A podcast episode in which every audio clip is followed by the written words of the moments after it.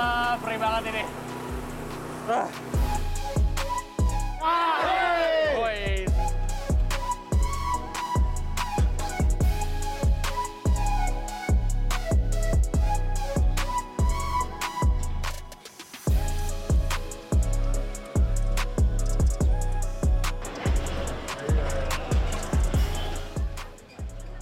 Bagi Anda yang ingin mencari peluang usaha, berbisnis kuliner bisa jadi pilihan.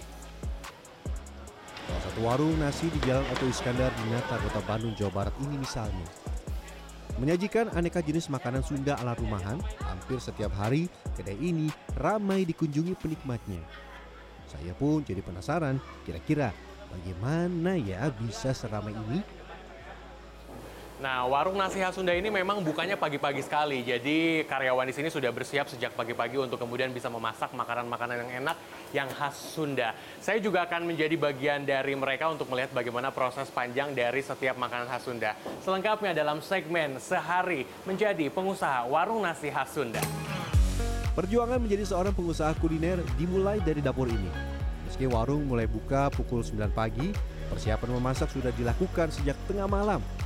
Persiapan ini meliputi mulai proses menyiapkan bumbu hingga memasak. Wah, perjuangan banget ya.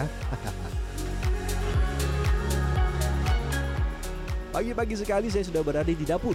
Saya akan mengolah beberapa masakan yang biasa dijajakan. Salah satu yang paling diburu penikmatnya adalah ayam goreng kremes.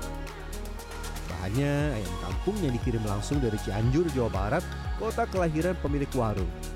Nah, dalam sehari, warung ini membutuhkan 100 ekor ayam yang dipotong menjadi beberapa bagian. Ayam yang sudah dipotong berikutnya dicuci bersih di wadah khusus dengan air mengalir.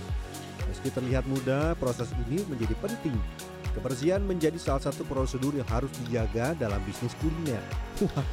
Lumayan nih membersihkan ayam satu persatu seperti ini. Bulu-bulu dari ayamnya ini harus benar-benar hilang agar kemudian uh, oke okay dan juga bisa dinikmati oleh para konsumen dari restoran ini. Lanjut dulu. Ayam yang sudah bersih kemudian diungkep dalam panci besar yang berisi bumbu rempah rahasia racikan si pemilik warung. Setelah dimasukkan, langsung kita aduk. Berat ya, butuh tenaga loh untuk mengaduk ayam sebanyak ini.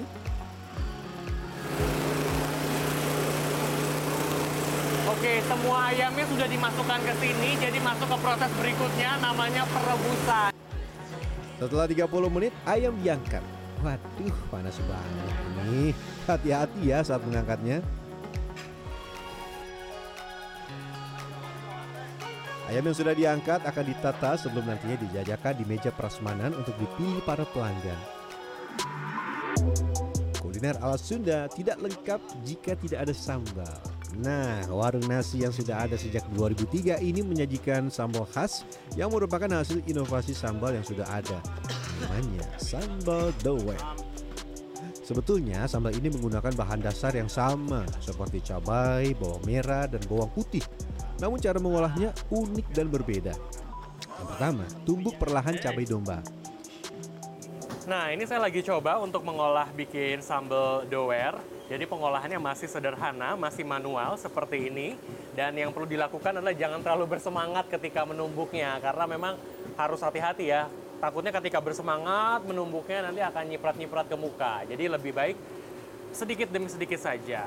Lagi pula ini teksturnya jangan terlalu halus. Dan itu menjadi sebuah ciri khas dari sambal dower khas warung nasi Sunda di tempat ini. Berikutnya kita siapkan bawang merah. Nah, ini yang unik. Biasanya bawang merah kan diiris atau bahkan diulek. Namun untuk membuat sambal doer, bawang merah ini justru ditumbuk atau dipukul menggunakan palu. Waduh, jelas ini bikin perih mata. Kang lo, ini baru baru mulai bawang. Bawangnya gede-gede banget, bikin perih mata. Ya Allah, perih banget ini. Ah, kita mulai ya.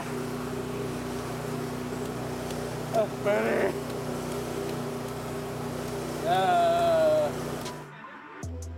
Penggunaan teknik penumbukan pada bawang bertujuan tekstur bawang merah tidak sepenuhnya hancur, sehingga dalam sambal akan benar-benar terasa rasa bawangnya. Seluruh bahan yang sudah ditumbuk untuk sambal berikutnya akan digoreng hingga matang. Inilah proses akhir pembuatan sambal doer agar semua bahan matang dengan sempurna. Setelah tercampur, yuk kita aduk.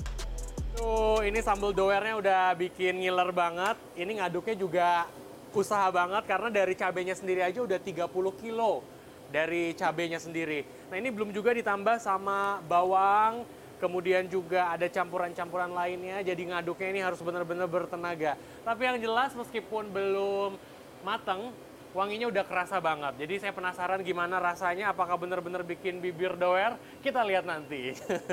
Yuk Kang, cukup segini ya. Aduh, aduh, aduh, aduh. Kok ngaduknya makin berat ya? kita tinggalkan saja. Kita kasih ke ahlinya. Nih Kang. oh gitu ngaduknya. Oh saya kan tadi diangkat ya. Berarti dia digigit. Warung nasi khas Sunda ini memiliki lebih dari 60 masakan yang diolah setiap hari. Bukan hanya ayam goreng kremes dan sambal, tapi juga ada olahan lain seperti perkedel kentang, perkedel jagung, aneka olahan ikan, dan aneka sate jeruan. Diakui para juru masak diperlukan kerja sama tim yang solid setiap hari untuk bisa memasak lebih dari 60 menu masakan. Berpacu dengan waktu setiap hari, lebih dari 30 karyawan bertugas memasak di dapur yang sibuk ini. Biasanya satu jam menjelang warung buka, semua makanan sudah siap. Ada satu kebiasaan yang selalu dilakukan para pegawai sebelum warung nasi dibuka, yaitu berdoa bersama. Saya juga ikut ya dalam rutinitas ini. Ya, Woi, ya, eh. itu udah salah satu aktivitas yang biasa setiap pagi dilakukan oleh teman-teman di sini sebelum membuka warungnya begitu. Jadi dengan kekuatan doa diharapkan semuanya bisa berjalan dengan lancar dan juga pelanggan bisa datang ke sini. Setelah berdoa, makanan yang sudah selesai diolah dibawa ke warung bagian depan untuk dijajakan. Nah ini beberapa makanan sudah siap dibawa untuk ke bawah, jadi kita turun ke lantai satu. Ini turun lantainya nggak cuma satu lantai, dua lantai loh. Empat lantai turunnya. Waduh lumayan. Ini harus hati-hati juga, takutnya jatuh. Seluruh makanan selanjutnya akan dijajarkan di meja panjang. Uh, lihat tuh, banyak banget kan makanannya. Sesaat setelah warung buka, pelanggan mulai berdatangan. Dijajakan prasmanan, makanan akan dipilih oleh pelanggan dan langsung digoreng. Oke, setelah para pelanggan datang, kemudian mencatat apa saja menu yang akan dimakan, selanjutnya digoreng. Nah ini salah satu ciri khas makanan khas Sunda, yaitu dadakan ya Kang ya. Jadi ketika dinikmati itu anget-anget sambil makan sambal, sambil makan nasi, waduh mantap. Ini ini ini wanginya aja udah bener-bener mantap ini dari rempah-rempah yang kemudian tadi disiapkan di lantai 4 sana. Tuh lihat. Wuh. Ayam goreng kremes jadi makanan favorit di tempat ini. Kremesan dibuat dadakan agar tetap crispy. Cara membuat kremes ini mudah. Adonan kremes tinggal dimasukkan ke dalam minyak panas, diamkan selama 20 detik, lalu diangkat. Hmm, sudah kriuk banget nih. Makanan yang sudah selesai digoreng kemudian akan langsung diantar ke meja konsumen untuk dinikmati. Caranya tinggal kita panggil nomor antrian lalu antarkan. Wah, saya benar-benar jadi pegawainya nih. Nomor 23. Buka mulai 9 pagi hingga 9 malam, kedai nasi ini tidak pernah sepi. Rasa rumahan yang otentik dengan harga relatif ramah di kantong jadi daya tarik warung nasi khas Sunda. Saya pertama kali baru sekarang ini nyobain sate maranggi ya. Sama masakan yang ala Sunda di sini. Oh, betul-betul sedap apa. Enak ya. Ya, Pemilik warung sudah mulai merintis usaha kulinernya sejak berusia 16 tahun. Sebelum sebesar ini, ia juga sempat memulai berjualan di lapak kaki lima. Menurutnya, kesuksesannya ini datang dari mimpi dan keinginan besar untuk berhasil. Kalau saya bilang kalau eh, ingat prosesnya dulu ya, istilahnya kayak berdarah-darah kita tuh. Jadi perjuangannya jatuh bangun, jatuh bangun, jatuh bangun. Jadi kalau kalau yang saya rasakan, saya ketika jatuh gagal, saya tidak tidak tidak jatuh beneran, jadi bangun lagi, jatuh bangun lagi gitu. Pembelajaran yang bisa kita ambil dari pengusaha kuliner ini adalah tidak ada hasil yang instan. Semuanya butuh proses yang begitu panjang untuk bisa benar-benar sukses. Nah, kali ini saya mau coba menikmati olahan yang sudah saya buat sendiri. Saya pilih beberapa makanan yang sudah saya masak sedari tadi. Menikmati masakan sendiri memang gak ada lawan. Apalagi sudah beraktivitas seharian. Nah, ini dia. Ada daun kemangi sama apa nih namanya? Apa ya?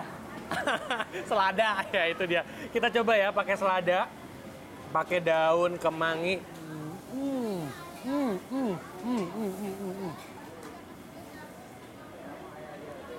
Hmm, rasa pedas. Kemudian kriuk-kriuk dari kremesnya itu benar-benar kerasa. Cocok banget buat makan siang. Saya lanjut dulu, sambelnya mantap.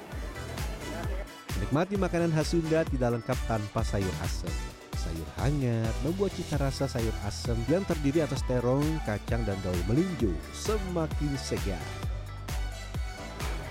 Menikmati sayur asem ini menjadi akhir perjalanan saya sehari menjadi pengusaha warung nasi khas Sunda. Waduh kita belajar banget dari mulai teknik memasak sampai tips-tips bagaimana caranya untuk menjadi seorang pebisnis di bidang kuliner yang satu ini. Mudah-mudahan ini bisa menjadi inspirasi dan juga informasi baru untuk Anda. Kiki Haryadi, Helmi Surya Negara, Bandung, Jawa Barat.